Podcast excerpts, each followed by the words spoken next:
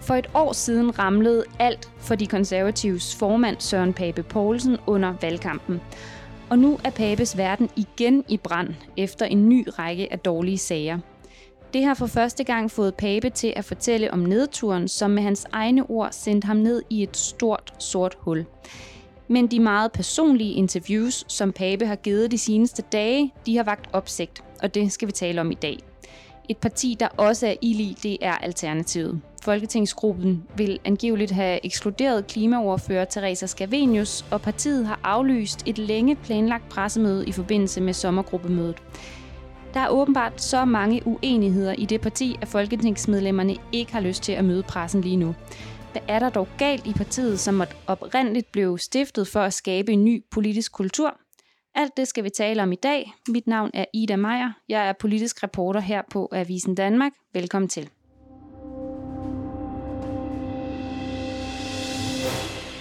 Velkommen til, Kasper Dahl, politisk redaktør på Avisen Danmark. Altså, vi kan jo... Øh, jeg vil egentlig gerne starte med at, at spørge dig, hvad tænkte du, øh, efter at have set Søren Pape gå bodsgang, kan man vel godt sige, mm-hmm. på, øh, på live øh, tv. Jeg ved faktisk ikke engang, om det var live der 21 søndag, søndag aften, men i hvert fald gav han et interview ja. øh, i bedste sendetid. Ja, det må man sige. Jeg tror, det var optaget om eftermiddagen, som jeg har forstået det. Øh, jeg tænkte, om det her, det var fremtidens mand for det konservative Folkeparti. Og efter jeg havde øh, stillet mig selv det spørgsmål, så var jeg også meget hurtig til at sige øh, nej. Det havde jeg umiddelbart svært ved at, øh, at se. Fordi det Søren Pape jo var øh, sendt i byen med, var jo en eller anden form for øh, erkendelse, selverkendelse af øh, hans eget ansvar, partitoppens ansvar, over for det øh, valgnederlag, der jo øh, kom for, øh, for 10 måneder siden ved Folketingsvalget 1. november. Øhm, jeg havde egentlig ikke forventet, som, som mange andre egentlig havde, at, at der ville komme den store konservative fremtidsvision eller lignende, fordi det, det tror jeg, vi skal tættere på, på partiets landsråd i den øh, ikke den kommende weekend, men næste weekend i, i Herning, før at øh, den nye fortælling bliver, bliver lanceret. Men Pape havde tydeligvis brug for at kigge tilbage, reflektere osv. Jeg tror simpelthen bare, det er for sent. Mm. Hvad mener du med det? Jeg tror, at der er gået så lang tid i øh, det konservative Folkeparti, hvor øh, baglandet ikke har hørt fra partiformanden. Sikkert er mange gode årsager. Altså den omgang, han var igennem i, øh, for et års tid siden med at præsentere sig selv som statsministerkandidat, køre den her lange valgkamp og så opleve den nedtur, han har været igennem både professionelt og privat. Det tager selvfølgelig tid at komme sig over, så det er måske ikke så, så menneskeligt set unaturligt, at vi ikke har hørt ret meget fra, fra Søren Pape Poulsen siden øh, den der gang i, i midten af november, begyndelsen af december, december, hvor de konservative de stempler ud af regeringsforhandlingerne. Mm. Men partiets bagland og, øh, og vælgerne har nok haft et behov for at høre en eller anden form for erkendelse fra ham tidligere, altså få talt det her valgnederlag igennem i offentligheden meget tidligere, end det man gør nu. Fordi nu bliver det sådan lidt komiske alier. Der er mm. nogen, der, nogen, der har sagt, at altså, det bliver sådan lidt for strategisk, som Pape jo i virkeligheden også er inde på. Han er jo enormt ærlig, det der, hvor han siger, at vi fremlagde et skatteudspil eller en økonomisk 2030-plan, om hvor øh, hovedpointen var, at vi ville fjerne øh, øh, topskatten, men det handlede om, at vi ville lukke en flanke til Liberal Alliance, og det var måske strategisk, og måske mente vi det ikke så meget, som vi skrev om det, og så videre. Og det, det her, det virker også sådan meget strategisk, at nu er man i gang med at rulle noget, noget nyt ud øh, op mod et, et landsråd. Der kunne man måske godt have gjort det øh, lidt tidligere og taget toppen af den sådan, frustration, der er i, øh, i partiet over Pape. Ja, altså fordi der er flere ting, man kan pille ud af ja. øh, hvad hedder det, det her interview. Der er det her med, med topskatten, som mm-hmm. vi mhm. kan måske vende tilbage til, men altså det er jo en, øh, en pape, der virkelig beklager ja. og pisker sig selv. Ja. Øh, I de her øh, interview, han har også givet et øh, til, til aftenshowet. Mm-hmm. Øh, er det en stærk øh, formand, som du har selvfølgelig også... Øh... Nej, det er det jo ikke. Altså, jeg forstår godt, hvordan de strategisk har tænkt, okay, der er behov for, at vi kommer ud og viser noget selverkendelse, mm. folk kan godt lide ærlighed. Her der virker det bare som om, at det er fra et ekstremt svagt øh, udgangspunkt, og at han øh, nærmest bliver ved med at stå og grave ned i det hul, som han skal øh, forsøge at komme op af, i stedet for at grave sig længere nedad. Og øh, det er i hvert fald det indtryk, jeg sad øh, tilbage med, og det er jo også den modtagelse, som interviewet har fået derude, at det, må, det var måske for meget. Mm. Altså, at der helt tydeligt har været en efterspørgsel øh, på det, og det har man også mærket i den konservative partitop, og så blev det måske mere, end det behøvede at være. Øh, fordi enhver jo menneskeligt set godt kan se, at det er noget af en omgang, Søren Pape Poulsen har, øh, har været igennem. Nu vil man gerne møde manden, man vil gerne have noget mere tro på, at han kan stå i spidsen for, eller kan fortsætte med at stå i spidsen for det parti, han har stået i spidsen for i, øh, i godt og vel øh, 10 år, at han stadigvæk er fremtiden i, øh, i ledelsen og i toppen af, øh, af det konservative Folkeparti. Og der sad jeg ikke tilbage med en, øh, en fornemmelse af det. Det kan være, det kommer i løbet af det næste stykke tid, når, når man må forstå, at det konservative øh, Folkeparti vil rulle deres nye fortælling om, hvad det vil sige at være konservativ anno 2023 ud. Men, øh, men det var ikke den fornemmelse, jeg, og det var, heller ikke den, det var heller ikke begyndelsen på den fornemmelse, jeg sad med efter interviewet i, øh, i 21 søndag søndag aften. Og så en af de nyheder, øh, der blev øh, der kom ud af det her interview, jeg ved ikke, hvor meget nyhed det var, men i hvert fald er, stat, er han ikke statsministerkandidat længere. Nej. Øh, han kalder det også, han sagde selv, at det var lidt grinagtigt at forestille sig, at han var det. Men, men nu, nu er der jo officielt ingen statsministerkandidater i Blå Blok. Nej, der altså, jeg ikke... ved ikke, om der har været det længe, men altså, at, at det har været status længe, men... Altså, hvis de skal pege på en, så bliver de jo nok snart efterhånden nødt til at begynde at pege på Jacob Ellemann, men det kan de jo heller ikke få sig selv til. Men han er jo i hvert fald den mest borgerlige, øh, liberale statsministerkandidat, man kan, kan finde. Og han insisterer jo så også på, at han, øh, han stadigvæk er det. Det ville jo have været komisk, hvis det var Søren Pape havde, øh, havde fortsat sit øh, statsministerkandidatur. Så det var jo nok i virkeligheden den, den største ikke-nyhed, der, mm. øh, der kom der. Jeg synes også, det virker meget fornuftigt, at Søren Pape Poulsen, han også en gang for alle skærer ud i pap, at han ikke er, er kandidat man kan sige, i modsætning til Mette Frederiksen, når hun gør det så øh, i forhold til internationale topposter, så tror man ikke rigtigt på det, men her der tror man rent faktisk på, at, at Søren Pape, han har ikke lige på nuværende tidspunkt nogen som helst øh, ambitioner om at, øh, at blive statsminister, og det, det giver rigtig god mening. Det vil det vil være mærkeligt at skulle i gang med at genskabe det konservative folkeparti ud fra en, øh, en opfattelse af, at partiet skal være statsministerparti. Det er slet ikke der, hvor de er. De skal i virkeligheden bare forsøge at stabilisere nogle, øh, nogle meningsmålinger, kigge frem mod de to kommende vigtige valg de næste par år, altså et valg til Europaparlamentet og til næste år et valg til kommunalvalget i, øh, i 25, og så må de jo se, hvordan det lander ved et, øh, et folketingsvalg, og hvem der i øvrigt står i spidsen for partiet til den tid. Og så, som du også kort øh, lige er inde på, det her med topskatten. Altså, ja. jeg, jeg, jeg er simpelthen lidt forvirret, tror ja, jeg. Øh, kan, øhm, altså, hvad, hvad mener det parti om den topskat? Ja, de mener jo, at man på et eller andet tidspunkt ude i fremtiden, øh, ikke den nærmeste fremtid, så ved jeg ikke, om vi arbejder på mellemlang eller lang sigt, der skal topskatten væk. De kan ikke lide topskatten men det er ikke noget, de kommer til at arbejde for øh, herinde, så, så man må jo forstå, at hvis man gerne vil af med topskatten sådan i ens egen levetid, så er det ikke det konservative folkeparti, man skal, man skal stemme på. Øhm, men hvorfor var det så det store slagnummer til valget? Altså, det, det var jo... Jamen, det var jo fordi partiet, øh, hvis vi lige spoler tiden tilbage der til august øh, sidste år, hvor øh, målingerne var helt anderledes, både dem for det konservative folkeparti, de var plus 10 procent, øh, Øh, de, de personlige målinger på Søren Pape Poulsen var jo voldsomt gode. Det var stort set ikke det politikområde, hvor han ikke blev vurderet af vælgerne til at være den mest troværdige partileder fra, fra Blå Blok. Øh, han stod jo på det tidspunkt som det, den bedste kandidat til at kunne indtage et øh, statsministerium, hvis der kom blot flertal, hvilket der jo også var målinger, der tilbage sidste år indikerede, at, øh, at det kunne sagtens komme til at ske. Og så øhm, har man jo følt i øh, det konservative Folkeparti i toppen, at man var nødt til, når man skulle være troværdig, seriøs statsministerkandidat, også at have en gennemarbejdet økonomisk 2030-plan. Og det var jo det, de fremlagde på deres sommergruppemøde på Elund Slot sidste, sidste år. Jeg sad selv på tilhørrækkerne og fik stukket papiret i hånden, og der var jo masser af spændende og interessante ting. Blandt andet den her afskaffelse af øh, topskatten øh, i, øh, i årene frem mod øh, 2030, og det har jo været kernekonservativ politik, så det var sådan set ikke, fordi det var nogen sådan stor øh, overraskelse, men sammenholdt med, at man også ville have en lavere vækst i den offentlige sektor, end det der andre øh, lagde op til, og lignende, så blev det jo lige pludselig øh, et fantastisk, øh, en fantastisk skydeskive, som de konservative de gav for til øh, Socialdemokraterne og, og resten af, øh, af Rød Blok. Og da Søren Pape Poulsen så også meldte sig som statsministerkandidat, så skulle man jo tage det her økonomiske øh, udspil langt mere øh, alvorligt, end man, øh, end man gjorde tidligere. Og øhm, det kom simpelthen til at, at overskygge øh, alt det andet, som de konservative de gerne vil øh, diskutere i, øh, i valgkampen.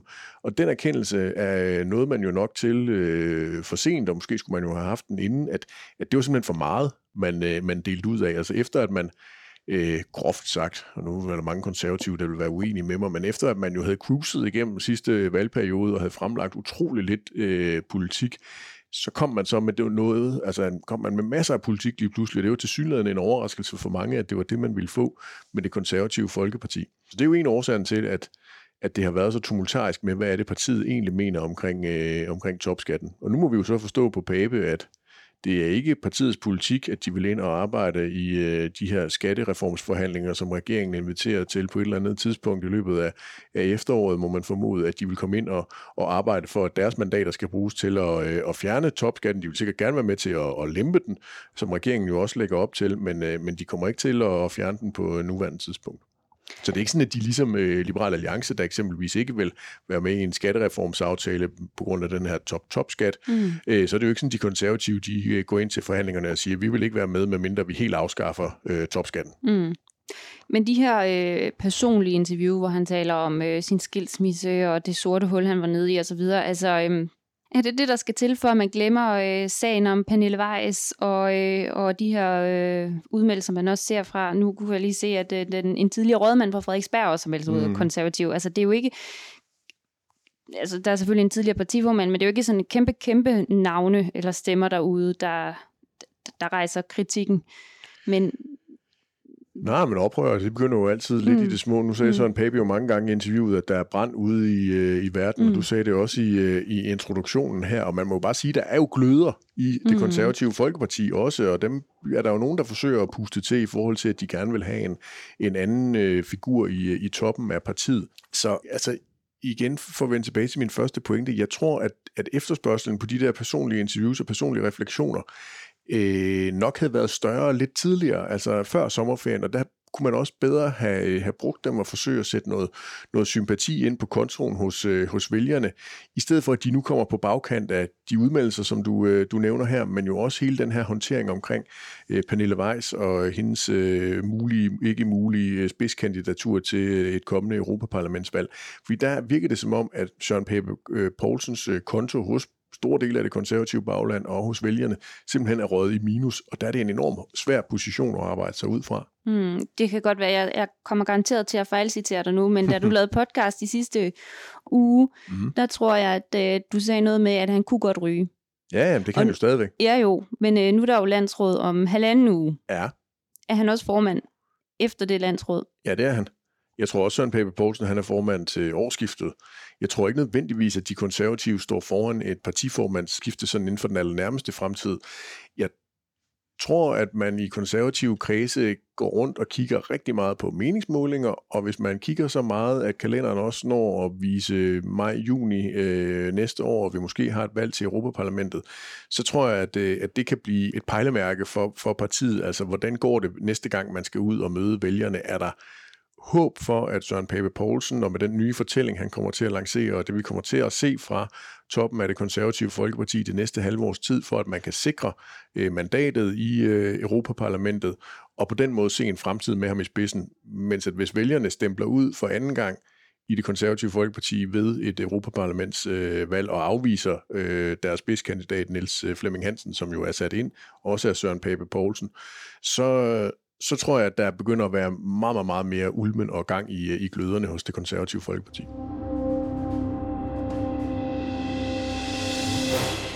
Godt, Kasper. Så, øhm, så er der, ja, det er blusset noget op i Alternativet i hvert fald øh, her, og særligt i dag, hvor det, det er onsdag, der skulle de have holdt et pressemøde foran pressen, øh, mm. efter at holdt sommergruppemøde. Jeg er simpelthen i tvivl om, de overhovedet har holdt det her øh, sådan rigtige sommergruppemøde. I hvert fald er der...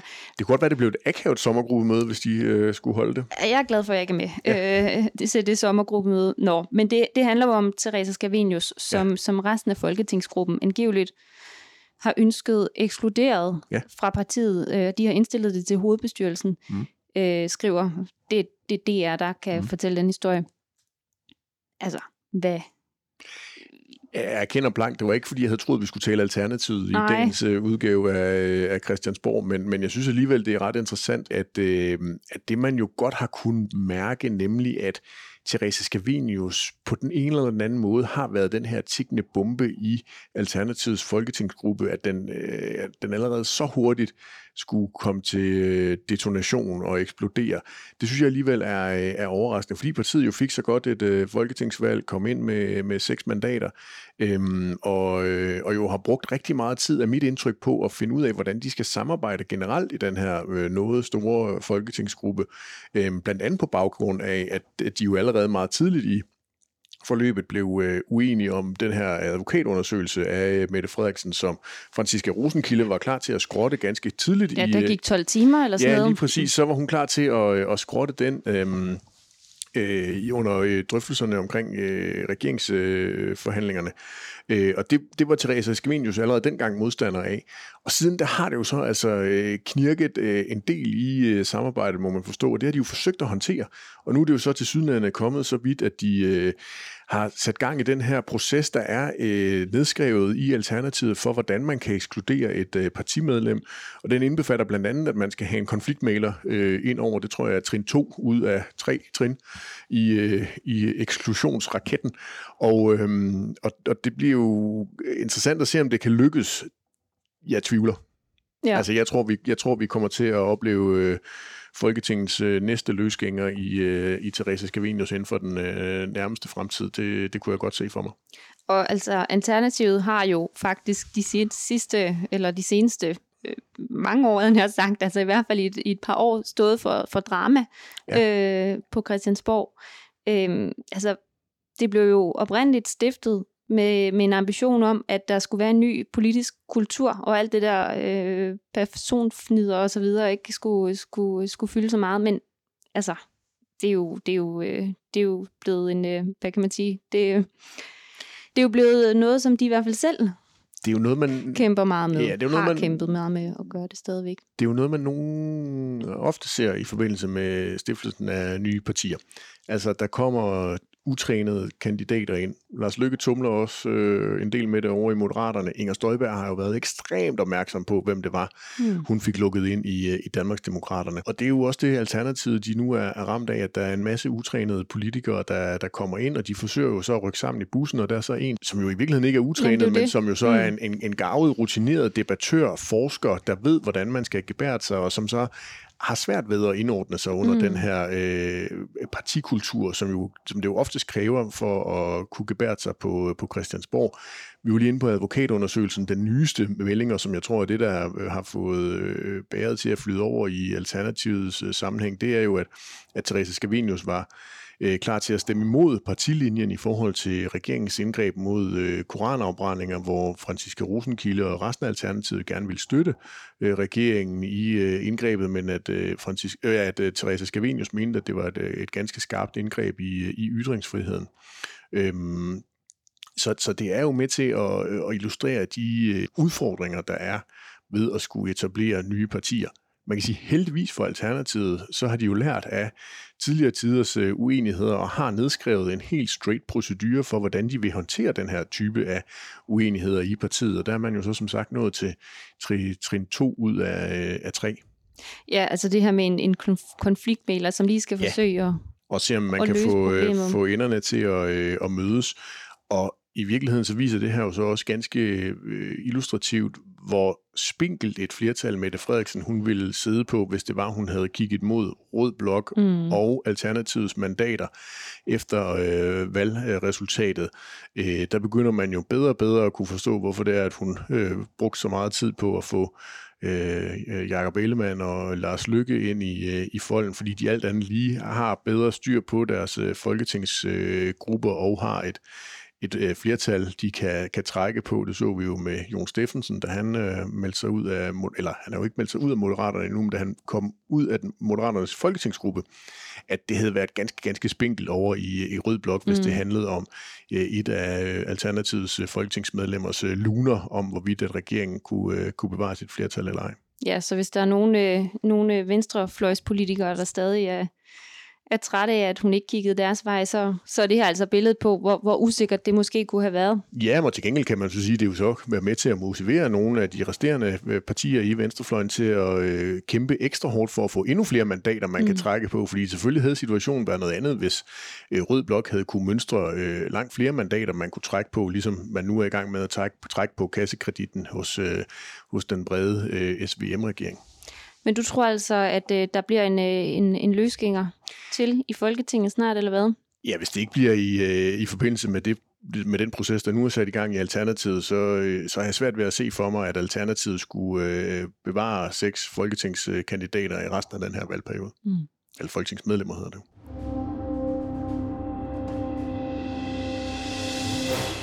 Nå Kasper, her til sidst, så vil jeg gerne lige tale lidt med dig om den sæson, vi går ind i. Det er jo ja. Øh, sæson for landsmøder, landsråd, eller ja, kongres. Det hedder lidt forskelligt. Årsmøde er der også Årsmøde, ja, det kalder Socialdemokraterne det nu. Det er altid... Nå, ja, men det er vel hver fjerde år eller sådan noget, de kalder det kongres. Er der ikke et andet med det? Jo. Lige præcis. Og i Godt. år er et årsmødeår. Det er meget forvirrende. Men øh, vi starter, eller ja, vi starter med de radikale mm. i næste weekend. Nej, det er den her weekend faktisk. Nå ja, undskyld, ja. Den, Jamen, kom, der er så mange. den kommende weekend Den kommende er det weekend er det de radikale, ja. der mødes. Øh, de plejer at mødes i Nyborg, det antager jeg også, de gør i, øh, igen i år. Øh, og det er jo ikke fordi, der er det store sådan, politiske øh, drama her hos de radikale, fordi de har jo Martin Lidegaard, som de stadigvæk tror fuldt og fast på, og han har udgivet en bog, og hvis man gerne vil vide mere om den, så kan man suge ind på Avisen Danmark og læse øh, vores øh, interview med ham fra i, i weekenden. Men de skal jo vælge spidskandidat til det kommende Europaparlamentsvalg, øh, og der er jo øh, ganske mange, der har øh, lyst til det. Øh, blandt andet en række tidligere øh, folketingsmedlemmer, Rasmus Helve Petersen, Anne-Sophie Kallesen, øh, og der er også en tidligere øh, formand for Radikale Ungdom, Side Fris, der gerne vil, øh, vil være spidskandidat, så det bliver ganske interessant at se, øh, hvordan det valg kommer til at udfolde sig. Indtil videre har det jo virket det til, at det har været sådan en ganske pæn intern øh, valgkamp, der har været. Men øh, det, bliver, øh, det bliver spændende at følge, hvem de, øh, hvem de kommer til at opstille. De radikale fik jo på mirakuløs vis valgt to øh, medlemmer ind i Europaparlamentet øh, sidste gang, Morten Helve Petersen og Karen Melker. Siden er Karen Melker så røget ud, og nu er det så Morten Helve, der ikke genopstiller, og man skal finde hans øh, afløser. Lige nu ligger partiet jo ikke til at kunne trække et mandat selv i meningsmålingerne. Der er jo heller ikke noget, der tyder på, at de er inde i en eller anden opadgående kurve, der gør, at når de kan nå at, at pike der i maj-juni øh, næste år, men øh, det kunne jo være, at de kunne indgå nogle, øh, nogle valgforbund. Det øh, er jo set tidligere, og det var jo også valgforbundet, der gjorde de sidste gang noget op på de to mandater. Så på den måde er det jo interessant at se, hvem det er, de, øh, de vælger til spidskandidat. Jamen, øh, det var alt, hvad vi nåede for den her gang. Hvis øh, du gerne vil vide, hvornår vi udgiver et nyt afsnit, så kan du abonnere på den her podcast alle de steder, du normalt finder din podcast. Vi lyttes ved.